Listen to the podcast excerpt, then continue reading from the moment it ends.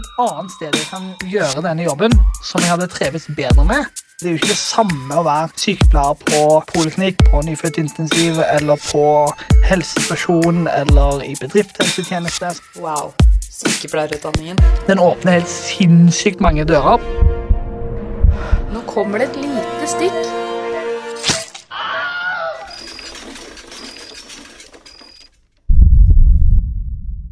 Kjære alle sammen, både gamle og nye lyttere. Det er med glede at jeg nå endelig kan si velkommen til sesong to av Hjelp, jeg er sykepleier!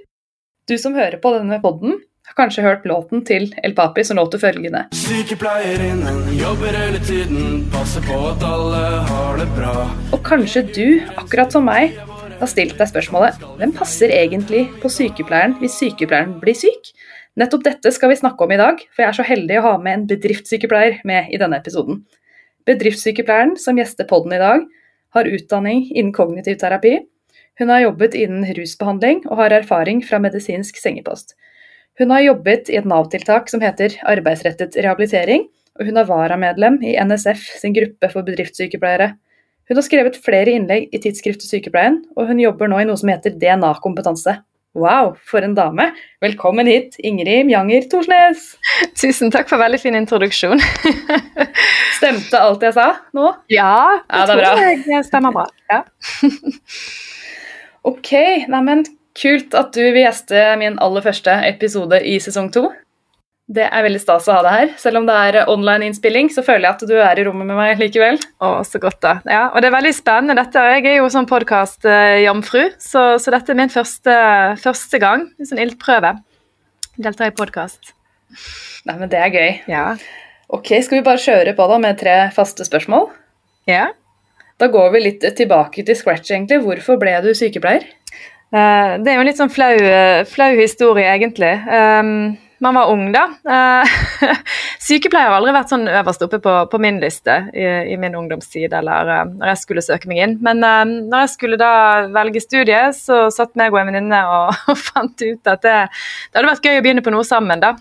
Så, så da søkte vi oss begge inn på sykepleien, og så kom jeg inn, og, og ikke hun. Um, Åh, ja, så, så utgangspunktet var litt sånn ja ja, vi får prøve dette, da. Og så hopper jeg av etter et år hvis ikke det, det helt er match. Men, øhm, men det var jo det. Så mm, her er jeg i dag. ikke sant? Ja. Så du kom deg gjennom første året. Da fullfører man som oftest, det er min erfaring, Ja. hvis man holder ut første etappen. Ikke sant. Ja. Mhm. Hva ville du blitt hvis du ikke skulle bli sykepleier, tror du? Nei, det er i hvert fall hvis man skal spole tilbake til den gang, så var det, var det sykepleier- eller lærerutdannelsen jeg satt og, og vurderte, da. Ja. Så De to yrkene som streiker mest? Ja, ikke sant? Eller det vil si, vi, vi får ikke lov å streike, vi, da. Så Nei, nei, det var det, da. ja. Ok, Men tror du at du ville valgt sykepleier på nytt hvis du kunne skru tiden tilbake? Ja, det håper jeg. Um, for jeg kjenner at uh, det, er, det er en sånn egen identitet knyttet til det å være sykepleier. Um, og ikke fordi at nødvendigvis at det er knyttet bare til sånn omsorg, og, men, men det faglige jeg har med meg når jeg sier at jeg er sykepleier, og alt jeg har vært så heldig å få vært med på og, og lært. Um, det enkle svaret på det er jo ja. Det, det vil jeg absolutt. Det, Så bra. ja. Hittil så har jeg ikke fått noen som har svart nei på det spørsmålet, men jeg har fått 'jeg vet ikke helt' av noen. Men ellers så har de fleste svart ja på det spørsmålet hittil, og det, det syns jeg er bra, da. Det er jo positivt. Ok, Men du er jo bedriftssykepleier. Hva er egentlig bedriftssykepleier? En bedriftssykepleier er en sykepleier som jobber i en bedriftshelsetjeneste. Um, og en bedriftshelsetjeneste, eh, formålet til, formålet til den, det er jo da å bistå virksomhetene, altså bedriftene, med det systematiske HMS-arbeidet. Uh, og så er det ulike måter å være bedriftssykepleier på. Man kan uh, være en del av en sånn egenordning, som f.eks. er på en del sykehus og i kommunen, og også i disse største sånn, industribedriftene. Der har man en egen avdeling, uh, en bedriftshelsetjeneste internt. da. Og så er jo det sånne som meg som, som da jobber i det private. Det er en, eh, liksom en egen bransje der vi, vi har ulike kunder vi følger opp. Og der jeg som eh, nei, bedriftssykepleier har mine, mine kunder, det er mine faste kunder som jeg har årsmøter med, og der jeg gjennomgår HMS-planer og, og, og internkontrollsystem, og jeg bistår hvis Arbeidstilsynet kommer på besøk um, og, og, legger fra seg noen pålegg, så, så, blir vi gjerne også involvert. da. Så det er jo sånn i, i, store trekk så skal jo jeg være en av de som rådgir eh, mine virksomheter i dette her systematiske HMS-arbeidet. Eh, helse, miljø og sikkerhet. Mm. Og, og, da har vi jo veldig mange mannsdominerte virksomheter som vi følger opp. Og så har vi også eh, en del av disse her eh, barnehager og, og også helseinstitusjoner, da, er jeg så heldig å ha. Um, og da, da, følger vi opp disse bedriftene som, uh, som, har lovpålagt. Arbeidstilsynet går jo inn og sier noen ting om hvilke virksomheter og hvilke bransjer der det er lovpålagt å, å være tilknyttet en bedriftshelsetjeneste. Så det var et langt svar på sikkert et veldig kort spørsmål, kanskje. Men uh, som bedriftssykepleier. Ja, men det er bra. ja. Nei, og jeg gjør jo veldig mye forskjellig. Sant? Nå snakker vi om disse her systematiske HMS-arbeidet. Det er jo sånn hadde jeg spurt meg sjøl, eller noen hadde sagt til meg for fem år siden at det skal du holde på med, så hadde jeg ikke, ikke helt trodd det. For uh, ikke liker jeg Excel-ark, og ikke liker jeg uh, altså, sånne systematiske Er det mye tall? Nei, mye tall. Ja, ikke sant. men, men, det er det jo Det er kanskje det jeg gjør minst av, da. At det jeg gjør mest av, er å ute, være ute der og, og holde kurs. Um, og snakke med ansatte, ha lederveiledningsseanser. Eh, jeg er litt sånn hands on og blir veldig godt kjent med det som rører seg i den enkelte virksomheten. Da. Hos de virksomhetene som, mm. som velger å bruke oss, uh, vel å merke. For det var det jeg skulle spørre deg, om du bare jobber direkte med lederne, eller snakker du også med de på gulvet? Jeg snakker mye med, med begge deler. Men det er klart at alt må jo gå via leder. Det er jo leder som, som betaler for tjenesten. Sant? Um, men det å få til et godt partssamarbeid og, og, leder og verneombud skal jo være et sånn superteam når det kommer til HMS. Uh, optimalt sett så skal jo de samarbeide godt om, om hvilke grep som må til. I vår virksomhet for å da redusere sykefravær og frafall og skader osv. Um, mm. Og apropos sykefravær, hvordan står det egentlig til med sykefravær blant uh, sykepleiere? Det er ganske så høyt. Uh, vi, altså, kvinnedominerte yrker har jo generelt et høyere sykefravær enn disse bedriftene som jeg sier jeg er mye ute i, um, enn en de mannsdominerte. da.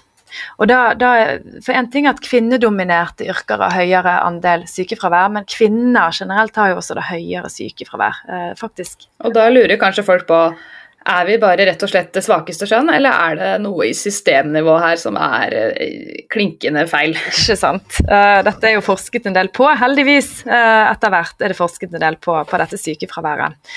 Og man har kommet frem til at det er mange grunner da, til at, at sykefraværet er høyere hos kvinner.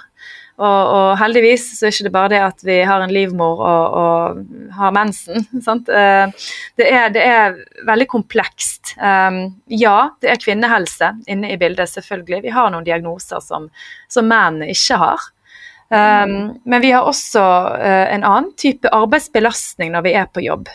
Og det forskningen viser, det er at vi har høyere både psykisk og fysisk belastning enn det disse tradisjonelle manneyrkene har.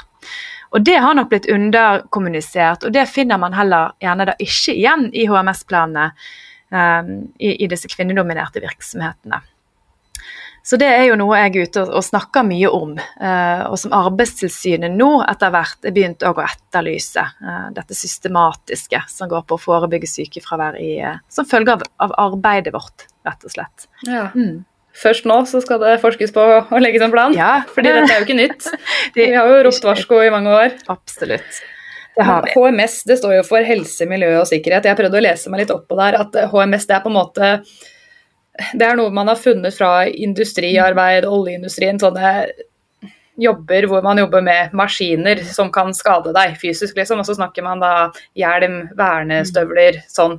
Men det er jo ikke den type HMS-arbeid som nødvendigvis trengs å gjøres på sykehus. Nettopp. Og det, det, og det er dette som, som, jeg mener når jeg sier at når jeg hadde jeg snakket med meg sjøl for fem år siden, så, mm. så ikke gjerne dette som hadde interessert meg så veldig. Men jeg interesserer meg jo veldig i, i, i disse faktorene som, som gjerne er litt sånn nye da, innenfor HMS-verden, som tradisjonelt ja, er blitt utviklet eh, prosedyremessig og planmessig fra oljeindustrien og, og, det industritekniske, som går på kjemikalier, som går på, på fysiske ting, på, på skader. sant? Ja.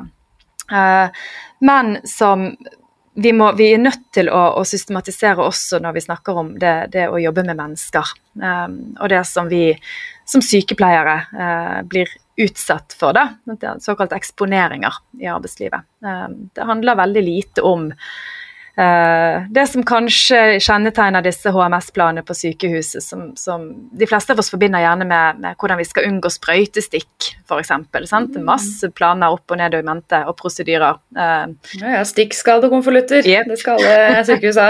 Og stikkskadeplakater, men det er jo ikke så ofte at, heldigvis da, at vi stikker oss på sprøyter. Nei, og det er veldig sjelden vi blir sykemeldt uh, ut av mm. det. sant? Um, ja. så, så, så litt sånn tidsbruken og, og fokuset på, på, HMS, det må rettes, eh, snus litt mer mot, mot, der det faktisk trykker, der skoen faktisk trykker i, i den type arbeid. Og det er rett og slett eh, er det utbrenthet og stress som er de største årsakene til liksom, eh, arbeidsrelatert sykefravær, eller er det andre ting òg? Ja. Det som er de største årsakene sånn generelt i Norge, det er jo muskel- og skjelettplager, som står for 40% cirka, av alt sykefravær.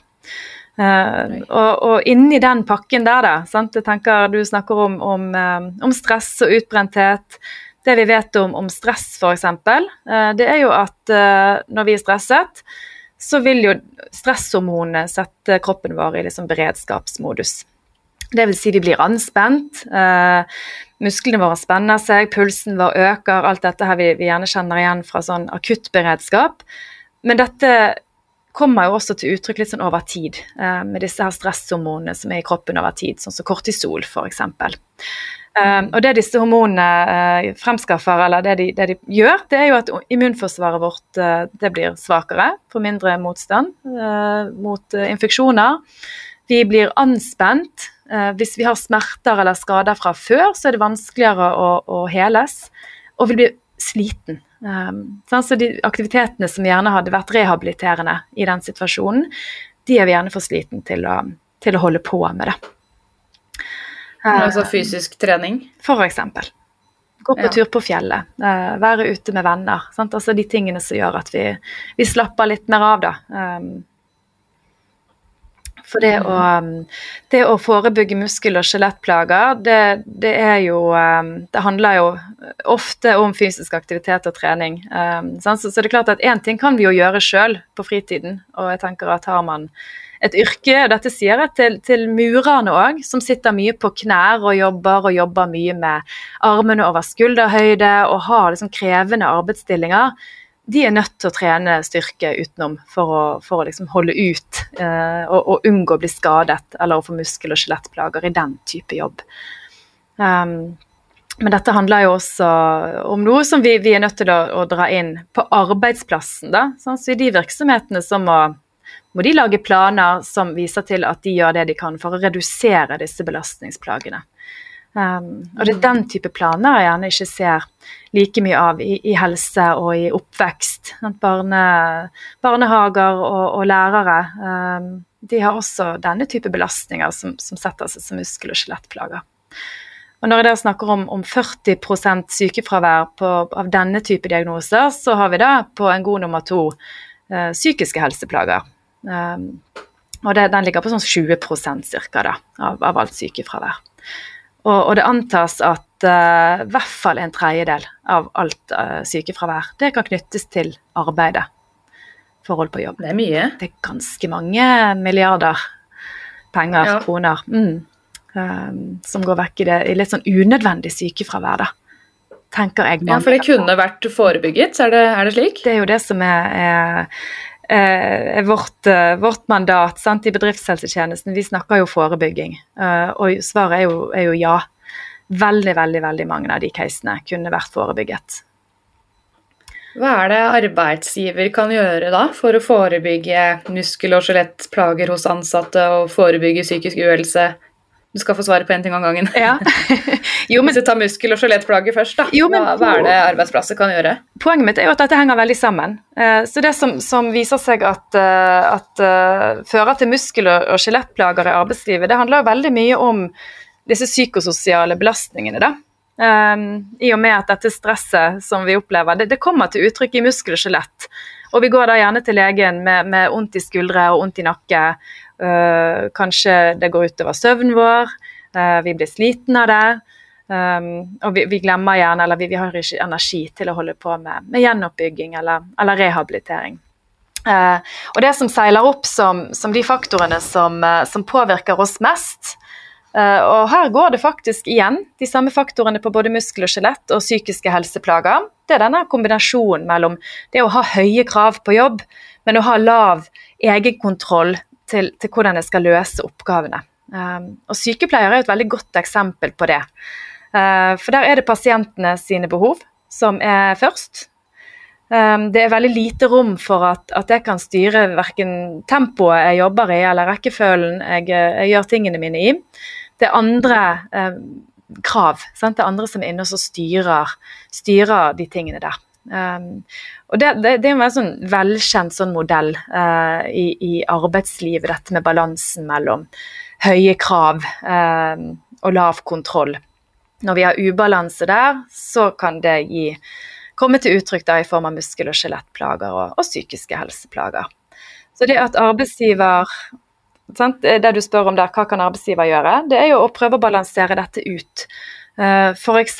Så, så viser det seg at det å, å, ha god støtte, altså det å ha god både kollegastøtte og, og lederstøtte når forholdene er sånn som de er. Sant? For jeg tenker at dette er ikke nødvendigvis noe vi kan gjøre sånn veldig mye med. Pasientene sine behov vil jo i stor grad styre hvordan vi jobber eh, på et sykehus f.eks. Um, men når de faktorene der er til stede, så må arbeidsgiver også uh, vite om at da uh, må vi veie opp disse forholdene, f.eks. For med gode kollegastøtte- og lederstøtteordninger. Vi må være liksom tett på hverandre. Uh, vi, må, vi må gi variasjon og fleksibilitet der vi kan, f.eks. i turnusordningen. Vi må rullere kanskje på disse belastende situasjonene. Det at vi deler litt på det. Um, at vi tar gode pauser fra det. Den type ting, f.eks. Mm. Og Det var bare én av disse her psykososiale faktorene da, som vi vet om at fører til muskel- og skjelettplager og psykiske helseplager.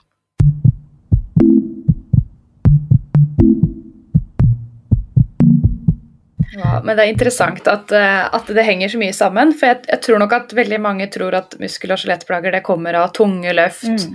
Mangel på ergonomiske hjelpemidler, sånne type ting. Men det har også ganske mye å si med det psykososiale og med stressfaktorene. At stresset rett og slett setter seg i kroppen og gir smerter. Mm. Absolutt. Ja. Og dette, dette er forsket på. Ja.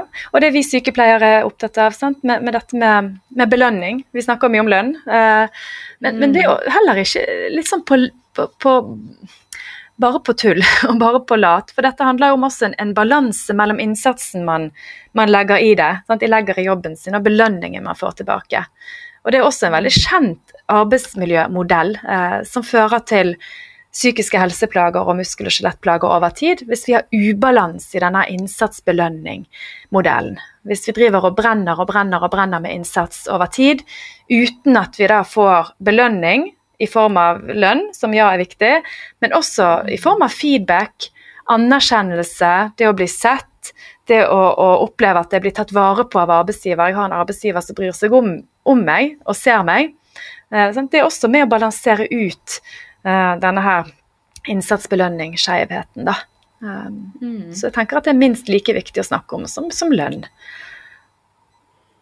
Absolutt, og vi ser jo at uh, det funker da, når man setter opp lønn. Altså sånn, et mm. eksempel er jo under korona.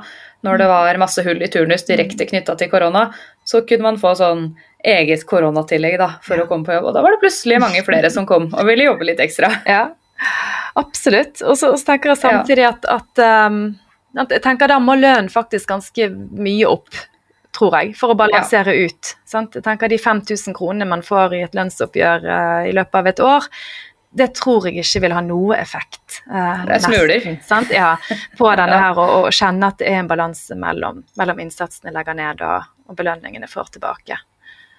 Um, så da, da, må arbeidsgiver i hvert fall være, være, litt sånn på i forhold til å, uh, å støtte oppunder. For veldig mange opplever gjerne, gjerne det motsatte.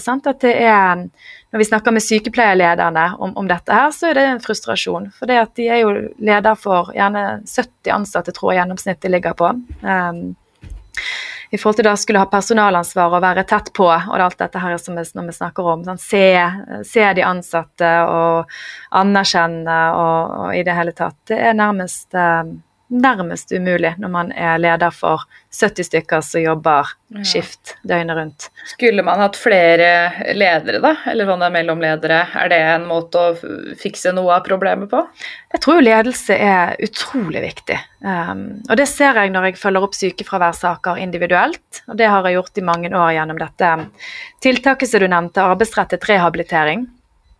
Og jeg tror det var der denne gnisten litt sånn startet hos meg. Det at jeg møter veldig mange sykemeldte, og jeg møter veldig mange ledere. Og så tenker jeg så mange ganger at hjelpe meg, hadde vi nå her kommunisert litt bedre, så, så hadde dette løst seg fort. Um, hadde vi vært flinkere å være, være, på og tilrettelegge og se mulighetene, um, så hadde man kunnet redusere sykefravær uh, mye. Så, så, det med å ha, ha, ledere som er tettere på, og ledere der faktisk lederkompetanse blir verdsatt. Eh, at man ikke bare leder fordi man er flink til å sette opp en turnus, men man er en leder som, som, kan noen ting om disse tingene vi snakker om her. Man har såkalte soft skills i forhold til å, å støtte og, å møte og, og, være et medmenneske når, når, folk kommer inn til deg og, og har behov for en prat. Uh, og det skal man òg ha tid til. Um, men det ser man at mange ledere rett og slett ikke har. Det, tiden strekker ikke til. Så, så, det er jo en ond spiral, dette her, da, eh, tenker jeg av og til. Ja, jeg, merker, jeg har jo merka det på flere arbeidsplasser at, at uh, mine kolleger gjerne vil snakke med lederen. Eller jeg vil snakke med lederen, for den saks skyld, men så er lederen borte da, i et eller annet møte. Og ofte et eller annet møte som handler om økonomi mm. og budsjett. ja. Så ja, det er sikkert ikke lett å være leder heller, da. Det blir kanskje dratt litt mellom høyere mm. systemnivå som handler om budsjett, og så på den andre siden så er det de på gulvet mm. som vil bli sett og anerkjent og kanskje ha enda flere kolleger inn i bemanningen, da. Ja, og jeg tror veldig veldig mange ledere de, de, er, de ønsker sine ansatte alt vel, sant? men de blir målt på sine ting, som, som du nevner der. Det handler om budsjett, og det handler om ja, det, det, det harde fakta sant? Um, som, som, må sendes inn og dokumenteres. Og da da er ikke det så synlig alt det man har gjort for å forebygge, f.eks. For mm. um, og så, så, er jeg jo veldig opptatt av, av uh, i våre jobber, uh, og, og, der du jobber, og der man jobber som både lærer og i barnehage, det å møte mennesker, det å, um, det å være utsatt for det man kaller for høye emosjonelle krav, eller en emosjonell belastning.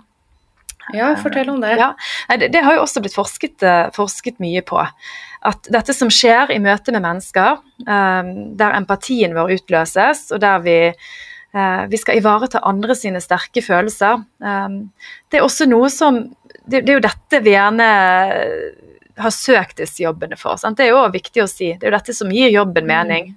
Det å, å, å kjenne at man, man, man, utgjør en forskjell, og man kan bistå og hjelpe.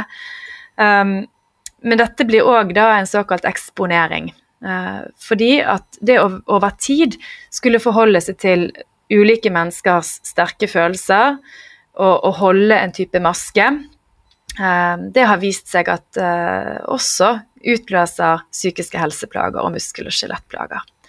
Og, og, dette blir spesielt et problem idet jeg har noen sterke følelser også inni meg, som jeg har med meg på jobb. Enten fordi at det skjer ting i mitt privatliv, eller fordi at det er jo noen pasienter som utløser noen sterke følelser hos oss. Eh, noen pasienter eller pårørende gjør oss jo irritert og sint.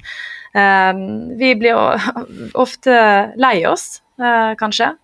Vi kan bli berørt av, av de sterke historiene vi, vi, er i kontakt med.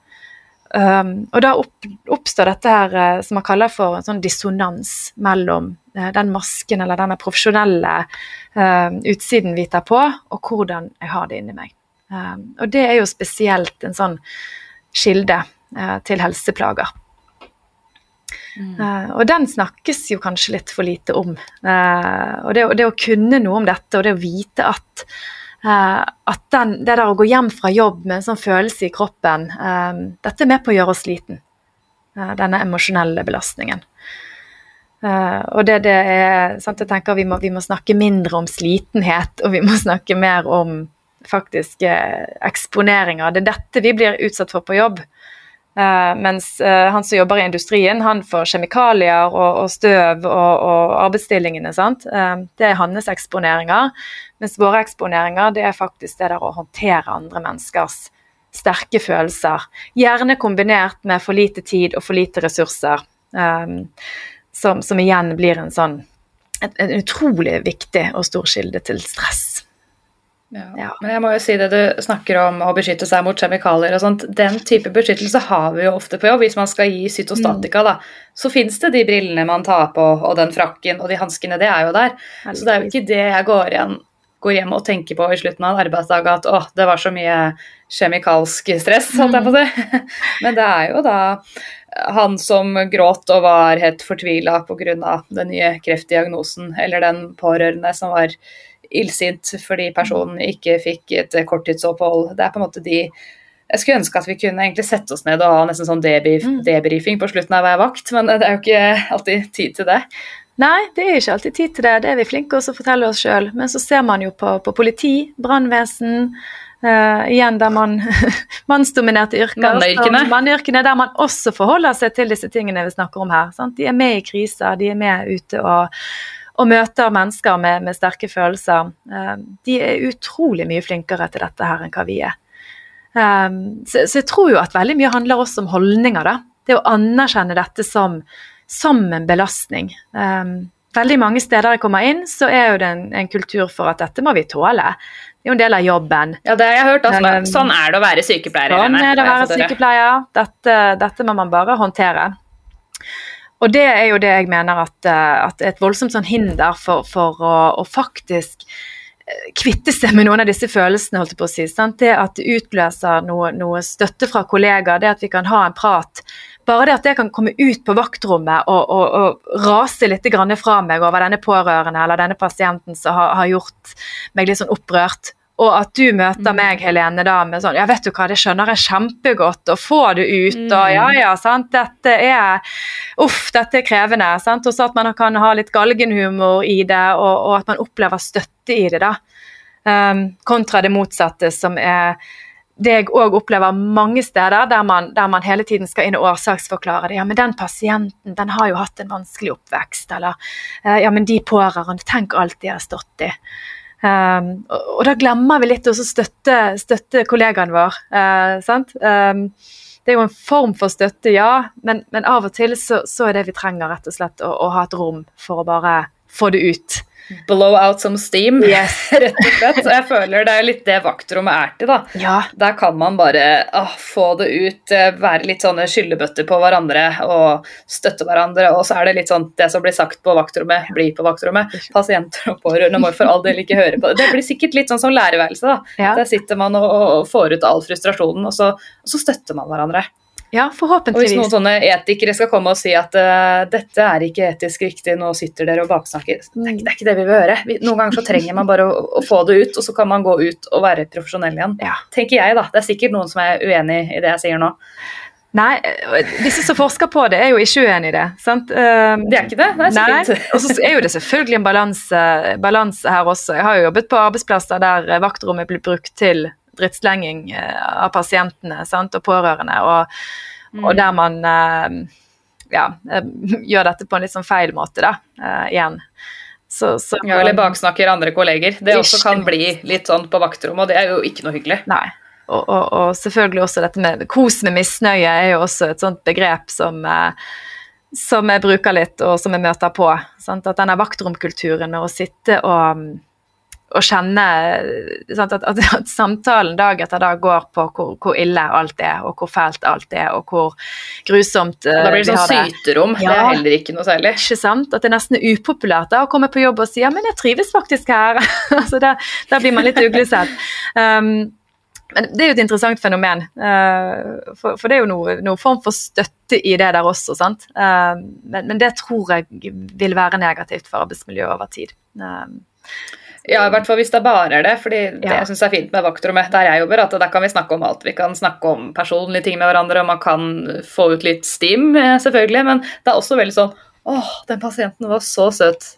Vet du hva han eller hun sa til meg? Det er mye skryting av pasienter der òg. Det, det er det jeg syns jobben er litt verdt å stå i for, da. Alle de fine situasjonene. Ja, og det tenker jeg òg er en sånn gratis ting. Sant? Det koster jo ingenting. Det å se sine, sine kollegaer litt mer og, og observere. Vi ser folk i ulike situasjoner. Bruke vaktrommet til å gi litt feedback. Um, bygge opp, støtte, skryte. Det òg er veldig sånn beskyttende da, når vi snakker om dette med muskel- og skjelettplager og, og psykiske helseplager. Det at jeg er en del av et miljø som, som ser meg og anerkjenner meg og støtter meg og, og bygger meg opp. Um, og det koster jo ikke en krone. Nei, men jeg lurer på hvorfor er det så forskjellig eh, med arbeidsmiljøet, da, fra sted til sted. At et sted så er man flinke til å dra ut på lønningspils, og man går turer sammen i skogen, mens på et annet så er det sånn ja, man snakker nesten ikke sammen, med mindre det er nødvendig pga. Eh, noe pasientretta, da. Mm. Nei, Det er veldig spennende, det, og det tror jeg man andre liksom kommer til bunns i. Sånn, hvorfor, hvorfor er det sånn noen steder, og hvorfor er det på en annen måte andre steder? Men det skal jo ikke mer enn en, en liten sånn gjeng til sant? før, før mm. det blir litt sånn um, det, det, det er ikke arbeidskollegene mine jeg har lyst til å, å henge sammen med. Um, det, det, det, det skal ikke så mye til, faktisk, tror jeg, før, før dette setter seg litt som en sånn kultur. Um, og det, det, Når jeg er ute f.eks. og snakker om, om vold og trusler, sant, som også er en betydelig arbeidsmiljøfaktor eh, i helsevesenet, så er disse holdningene og verdiene som, eh, som personalet har, utrolig viktig å adressere og snakke høyt om.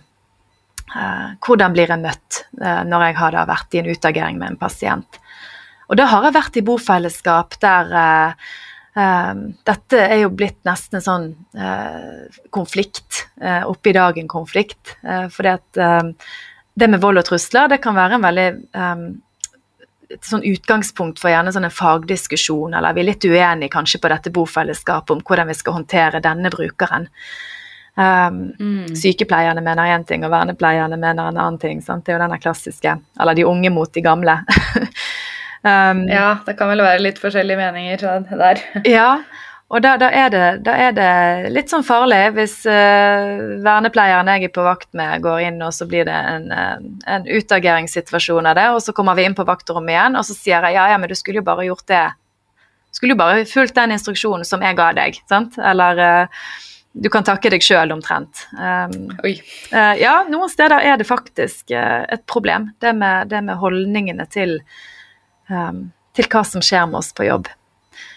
Så der har vi kvinner litt å, litt å lære, tror jeg, av eh, både politi og brannmenn. Um, der det der å ha ryggen til hverandre, det, er, det ligger i omtrent sånn arbeidsinstruksen.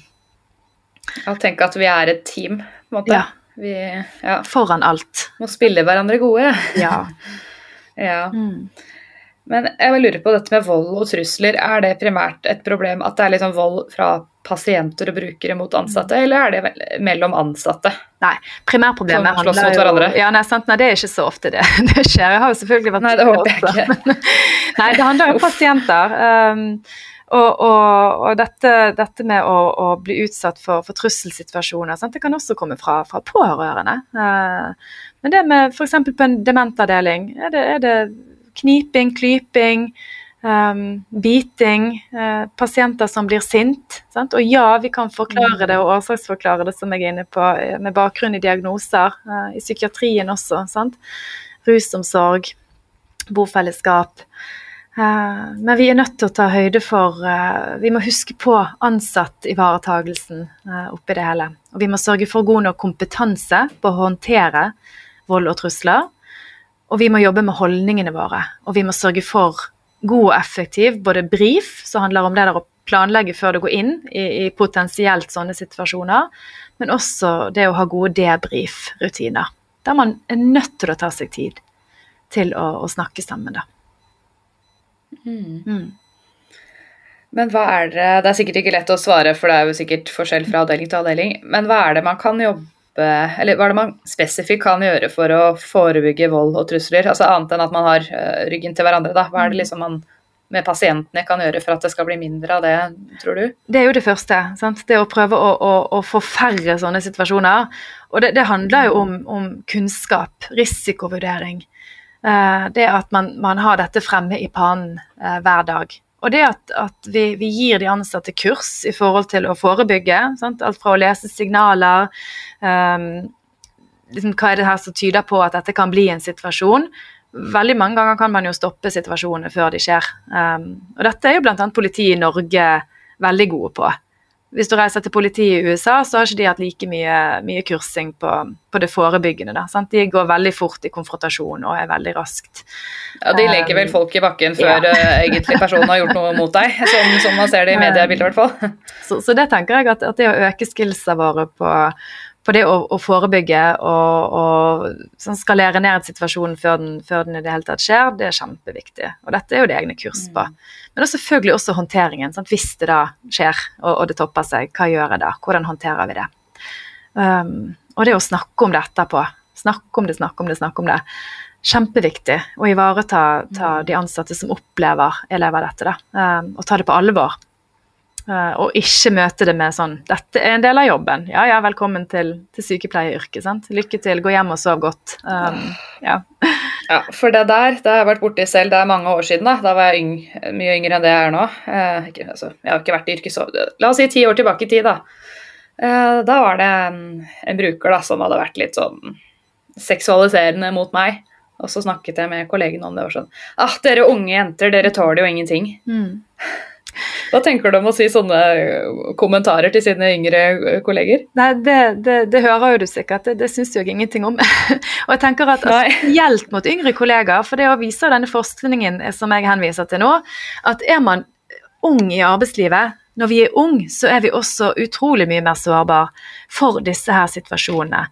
Um, ting blir mye mer sånn skjellsettende og alvorlig når dette blir litt det, det første møtet vårt med, med arbeidslivet. da. Um, så, så, så, det å oppleve vanskelige pasientsituasjoner tidlig i arbeidskarrieren vår, det, det, det blir eh, potensielt fryktelig krevende. Og det, det, også, tenker jeg, kanskje mange ganger gjør at folk ganske raskt eh, flytter seg over i, i, et annet type yrke. Eh, eller en annen type stilling som sykepleier da, på disse avdelingene der, der det er mye av, av denne type tilnærmelser så lurer jeg også på, er det litt sånn forskjell på generasjonene, og at før så har man tradisjonelt bare tenkt at ja, ja, vi må bare finne oss i alt, mens mm. de unge nå til dags kanskje stiller litt andre krav. At hei, jeg har faktisk eh, rettigheter, og jeg har krav på å ha det bra på jobb, jeg skal ikke bli utsatt for sånne ting. Selv om det er et sykt menneske. altså Det skal i hvert fall bli tatt seriøst fra kolleger rundt. da. Ja. Merker du at det er litt forskjell på generasjonene med det å stille krav? Ja, det kan godt være at det er. Og så merker jeg også at, at dette er jo for, for, nå snakker vi jo mye om, om ting som er negativt, og, og, systemer som ikke fungerer. Men dette med, med trakassering og, og trusler og, vold, det har jo um, det, det, høres jo gjerne litt rart ut når jeg sier at er, forekomsten har økt. Men det handler jo om at innrapporteringen har økt. Sant? Vi, vi rapporterer det faktisk inn. Vi blir flinkere å skrive avvik på det. Vi, vi er flinkere å håndtere det. Og, og, dette å snakke om vold og trusler rundt omkring, det, det gjør man faktisk um, mye uh, i, i, helsevesenet. Uh, mye mer enn kanskje bare for ti år siden. Så, mm. så jeg, jeg, tenker at, at fokuset på, på, Og kanskje dette i kjølvannet av, av metoo osv. Det gjør at vi, vi, vi har Um, vi har kanskje ikke denne voldsomme grensen for hva vi, vi rapporterer inn. Sånn som kanskje du sier den eldre garde har vokst opp med og har vært i arbeidslivet i, i 40 år. Sant? De har, har, gjerne aldri skrevet et avvik på det. Um, for de har gjerne også hørt at dette er noe som, um, som hører med jobben, da. Dette må vi tåle. Vi trenger ikke å tåle alt, ikke sant? Nei, og, og, poenget mitt er at summen av alt dette her nå som vi snakker om, det, det, blir, det, blir, noe vi tar med oss hjem. Og det er noe vi, vi, går med med litt sånn i magen og kjenner på både i form av samvittighet, i form av bekymring, i form av selvkritikk, ikke minst. Um, alt jeg ikke har fått til, eller alt jeg ikke har rukket over. Eller sånn som du sier uh? Jeg fikk ikke brukt så mye tid inne på det pasientrommet til, uh, til Ole når han fikk beskjed om at han hadde kreft. Så hadde jo jeg uh, syv antibiotikakurer jeg måtte henge opp før jeg gikk hjem fra jobb. Sant? Um, så det blir et privat problem, det blir noe som blir opp til oss sjøl å håndtere. Og det er det jeg er litt sånn brenner for, at vi, vi må litt sånn til livs. Vi må, vi må snakke om dette som, um, som et jobb, en arbeidsplass.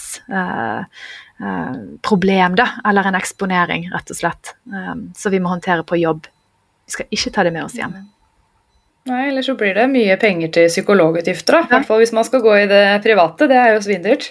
Det er dyrt, uh, og det, skal jo, det vet vi også. Sant? Det skal fryktelig mye til før vi det hele tatt har rettigheter til å gå til noen psykolog. Um, men, men, det er klart, de, de, har jeg møtt mange av. Sant? Det er jo de som blir sykemeldt og kommer inn i Nav og kommer da inn i, i type tiltak som jeg har jobbet, uh, jobbet i. Der man må få litt sånn individuell oppfølging og opptrening og stressmestringskurs og turgrupper og sant, den type ting. Um, uh, og det jeg har gjort der, er jo da å også gå inn og og, og veilede inn mot arbeidsgiver. Sant? Er det tilrettelegging, er det andre avdelinger på dette sykehuset som kan være bedre å jobbe på? Um, men jeg opplever jo dessverre at mange som kommer inn med type utbrenthet, um, og spesielt dette som går på det emosjonelle, at man, man uh, blir rett og slett uh, har kommet til konklusjonen av at jeg kan ikke jobbe med mennesker lenger. Um, møtt mm. mange sykepleiere som, som er havnet der. Og det er trist. Og det er unødvendig. Men noen av de du har fulgt opp som føler på det, da, at de ikke kan jobbe med mennesker lenger, har de klart å gå tilbake til sykepleieryrket når de har vært så langt nede? Ikke så lenge jeg har fulgt de opp. Eh, mange av de har jeg loset videre inn i alt fra lagerjobber til skobutikker til Mange har behov for å gjøre noe helt annet. Begynner gjerne på videreutdanning som, eh, der man, der man ja, har behov for å rett og slett gjøre noe helt annet. Så, mm. så, jeg tror jo at vi mister mange fra dette fantastiske yrket rett og slett fordi at vi, vi er ikke flinke nok til å snakke om disse tingene. da, og Anerkjenne det og ta vare på hverandre, backe hverandre. Um, mange ganger handler det rett og slett om, uh, om litt det der resultatet av å være i disse her emosjonelle belastningene over mange, mange, mange år. Um, kombinert da med med tidspress og økonomi og ledere som ikke er tilgjengelige og ikke ser meg og ikke følger meg opp. Og når jeg blir sykemeldt, så blir jeg gjerne ikke fulgt opp da heller, for det, eh, det, har man heller ikke tid til som leder å gjøre ordentlig. Um, så, så da, da, mister vi gode folk, altså. Det virker som det her er eh, et resultat av en eller annen modell som sier at vi bare skal effektivisere, effektivisere, effektivisere, og så bare penger. Ja, det er jo det som er utgangspunktet her, da. Mm. sant? Ja. Mm. Og så står vi jo i en situasjon nå der uh, det, det, var ikke bare å bytte ut den sykepleieren. Sant? Og tenker det, nå, nå, fyller vi på og vi utvider uh, studieplasser og, og sånn, flere skal bli sykepleiere, men så tror jeg vi glemmer å tette igjen de hullene i, i bøtten. da, sant? Altså, ja, og ta vare på de sykepleierne vi ja. har. For jeg tenker har sykepleiere en sånn experience date etter ti år, så har du gått ut på dato, da orker du ikke mer, så da er det neste generasjon inn. Altså Er det sånn det skal bli? Da mister man jo disse kloke hodene som har har all den erfaringen, og de som vi, disse seniorene, da. Det er fælt å si mm. senior etter ti år, men Det er fælt. Yes. ja. og, så, og, så, står jo det i arbeidsmiljøloven. Vi har jo, vi har jo rettigheter. Vi har nedskrevne, nedskrevne lover på at? Både det, altså Hele meningen med arbeidsmiljøloven er jo at, uh, at ikke vi skal bli syke av jobbene våre. Um, og i Norge skal vi jo ikke det. Det er liksom det man kan, kan stå som politiker kanskje også si. Um, og, og, det står faktisk nedskrevet at vi skal ikke ha uheldige psykiske påkjenninger eller belastninger uh, i jobbene våre, verken fysiske eller psykiske, som, som påvirker helsen vår negativt. Um, det er arbeidsmiljøloven kapittel 1. Tenk det. Tenk det. Jeg skjønner ikke at det ikke er sånn eh, implementerte debrifing på alle steder. At man har det en gang i uka eller mm. en gang om dagen, eller at man har det jevnlig. Mm. For Det virker som at det bare er på sånn helt spesielle avdelinger der hvor barn dør, eller i, mm. i psykiatrien, eller sånn litt sånn heftige avdelinger. Da. Men jeg syns man gjerne kunne hatt egentlig alle steder der man jobber med mennesker. Det trenger jo ikke å være noe alvorlig som har skjedd, bare for å snakke litt åssen dagen har vært. Nei, og det trenger ikke å holde på så lenge heller. Det Av og til holder det med fem minutter på vaktrommet før vi går hjem. Sant? Du, jeg så du var oppe i en situasjon i det sted. Hvordan går det med deg? Det der så heftig ut. Eh, At leder ringer meg f.eks. etter en nattevakt der eh, man ser på natten at det har skjedd noe, noe voldsomme greier og, og, og mye action og dødsfall og sant? Altså akutte ting. Få en telefon fra lederen, da. Gjerne på ettermiddagen når jeg våkner. Det, det er utrolig mye ivaretagelse bare i, i det. Um, og, og de lederne finner Og lederne ringer, man tør ikke å ta telefonen. Så bare, nei, nå skal du spørre om jeg kan jobbe ekstra. Det hører jeg mange som sier. Det er klart, det er jo et problem. Ja. Ja. ja. Nei, det, er- dette syns jeg er så viktig å snakke om det. Og, og spesielt når man, når man snakker mye om kvinnehelse. er jo, ja Akkurat nå er jo det veldig, veldig i fokus. Noen har åpnet Mm, Nettopp en, en viss klinikk som har eh, eh, med påskudd om at kvinnehelse er viktig. Men jeg tenker at, at, eh, at arbeidshelse i kvinnedominerte yrker er, er utrolig viktig. Og da må vi snakke om helt andre ting enn sprøytespisser og eh, sant, altså glatte trapper og, ledninger som, som henger løst under kontorpulten og sånn. Altså, det er jo ikke det vi blir syke av. Vi, vi må snakke om de virkelig der skoen trykker. Um, og det har Mm. mye effekt bare å snakke om det. Uh, det er jo budskapet her. Men jeg lurer på, de som er ledere, det er ikke alle ledere som har utdanning innen ledelse, men de som har det, vet du om, om de lærer om psykisk helse blant ansatte i lederutdanninger? Ja, de lærer i hvert fall om disse modellene som jeg refererte til i sted. sant? Med, med krav, Ja, kontroll, ubalanse. De lærer om uh, ubalanse i innsats og belønning. Uh, dette er jo noe som eh, er man på LinkedIn og sånn, sånn, så resten av næringslivet er jo, er jo fremme i skoen. Og man snakker om psykologisk trygghet, og man snakker om ytringsklima, og man snakker om sant, hvor, hvor bra det er med mange avvik. um, og ikke minst dette med, med tett på-ledelse, relasjonsledelse. Så, så jeg tror jo at veldig mange lederutdanninger er, er gode, da. Eh, men problemet er jo gjerne at man ikke har tid til å, til å følge opp. Altså når du blir satt og- til å lede da Jeg har en, eh, en som jeg har kontakt med i denne faggruppen for sykepleierledere, som, som sier hun er leder for 90 stykker. Um, da blir relasjonsledelse liksom vanskelig å utøve, rett og slett. Mm. Um, mm. Og ledere blir jo sykemeldte, de òg, Ja. pga. sikkert samme årsaker. Jeg har fulgt opp mange av de også, og der, der er, for der er arbeidsgiver gjerne også. Sant? De er litt raskere med å gi Jeg er jo da kognitiv terapeut også, så, så i bedriftshelsetjenesteøyemed så blir det å gå brukt til, til den individuelle oppfatt, oppfølgingen, da. Så, så det å være leder, det er ingen spøk. Um, de jobber, eh, tror jeg i helsevesenet spesielt, jobber man både, både dag og kveld, og om natten holder man på oppi hodet. Um, og, og det er konstant sånn dårlig samvittighet både oppover eh, på budsjettet og, og nedover eh, til de ansatte. Um, så, så det er Nei, det er en belastende, belastende stilling å ha. Det, det tror jeg nok. Mm, gjelder mange. Man slipper turnus, da. Som Ja.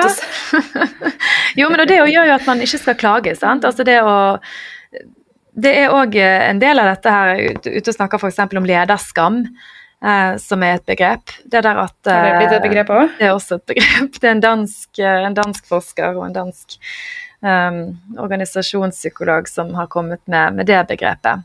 For det er mye Er vi leder, så skal vi håndtere.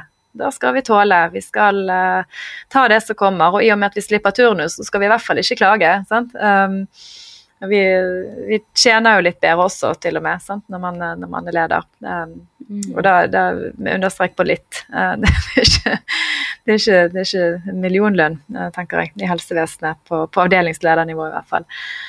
Så, så, um, så det er jo en, um, en utsatt post. Også det. Ja. Så vi må, vi må huske på de også, da. Uh, Det er greit å ha i bakhodet, Ja, tenker jeg da. Eh, og så tenker jeg det å gi god opplæring til ledere, og at de òg føler, eh, føler seg skodd for å da ivareta ta sykepleierne igjen. Sant? De som er på gulvet, som du sier. Eh, de må ha tid, Mm. og, og, og, og gode ledere, det vil også da at ledere som har tid, det vil også vise seg i både tallene når det kommer til sykefravær og turnover. Det gjør jo det. Det går rett på bunnlinjen, det å, å, å investere i, i ledelse. Mm. Det gjør det, så er det jo noen steder med, som har høy turnover, ikke bare blant de på gulvet, men av ledelse også. Ja. At det er mye utbyttinger. Og da blir det litt sånn Oi, åssen miljø skal det egentlig bli her? Vi har ingen som leder oss, på en måte. At da flyr alle litt rundt som sånn hodeløse høns. Ja, Det har jeg hørt, da, at det, det kan være på noen avdelinger. mm, det er en kjempeutfordring. Og det å gi jo seg uttrykk i altså høyere sykefravær. Og det blir, for det blir ofte da kluss med, med alt dette organisatoriske sant, som ikke ruller og går. Alt det som, som vi er helt avhengig av for å gjøre jobben vår. At turnusen stemmer, at det er nok folk på kveldsvakt og nattevakt. og uh, Noen bestiller inn det vi trenger, osv. osv. Um, Mm.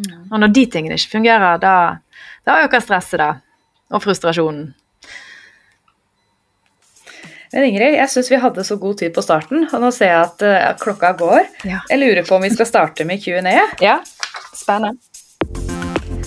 Ja, ja, ja. Da blei det sånn her nok en gang, da. At det er to sykepleiere som prater sammen, og skravla går altså så langt og lenge. Og jeg klarer ikke alltid å holde episodene så korte som, eh, som planen egentlig er. Men ja, da blir det sånn at eh, Q&A-delen, den får vente til neste uke. Tudelidu!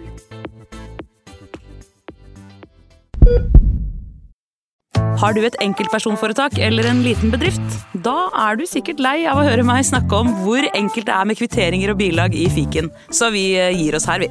Fordi vi liker enkelt. Fiken superenkelt regnskap.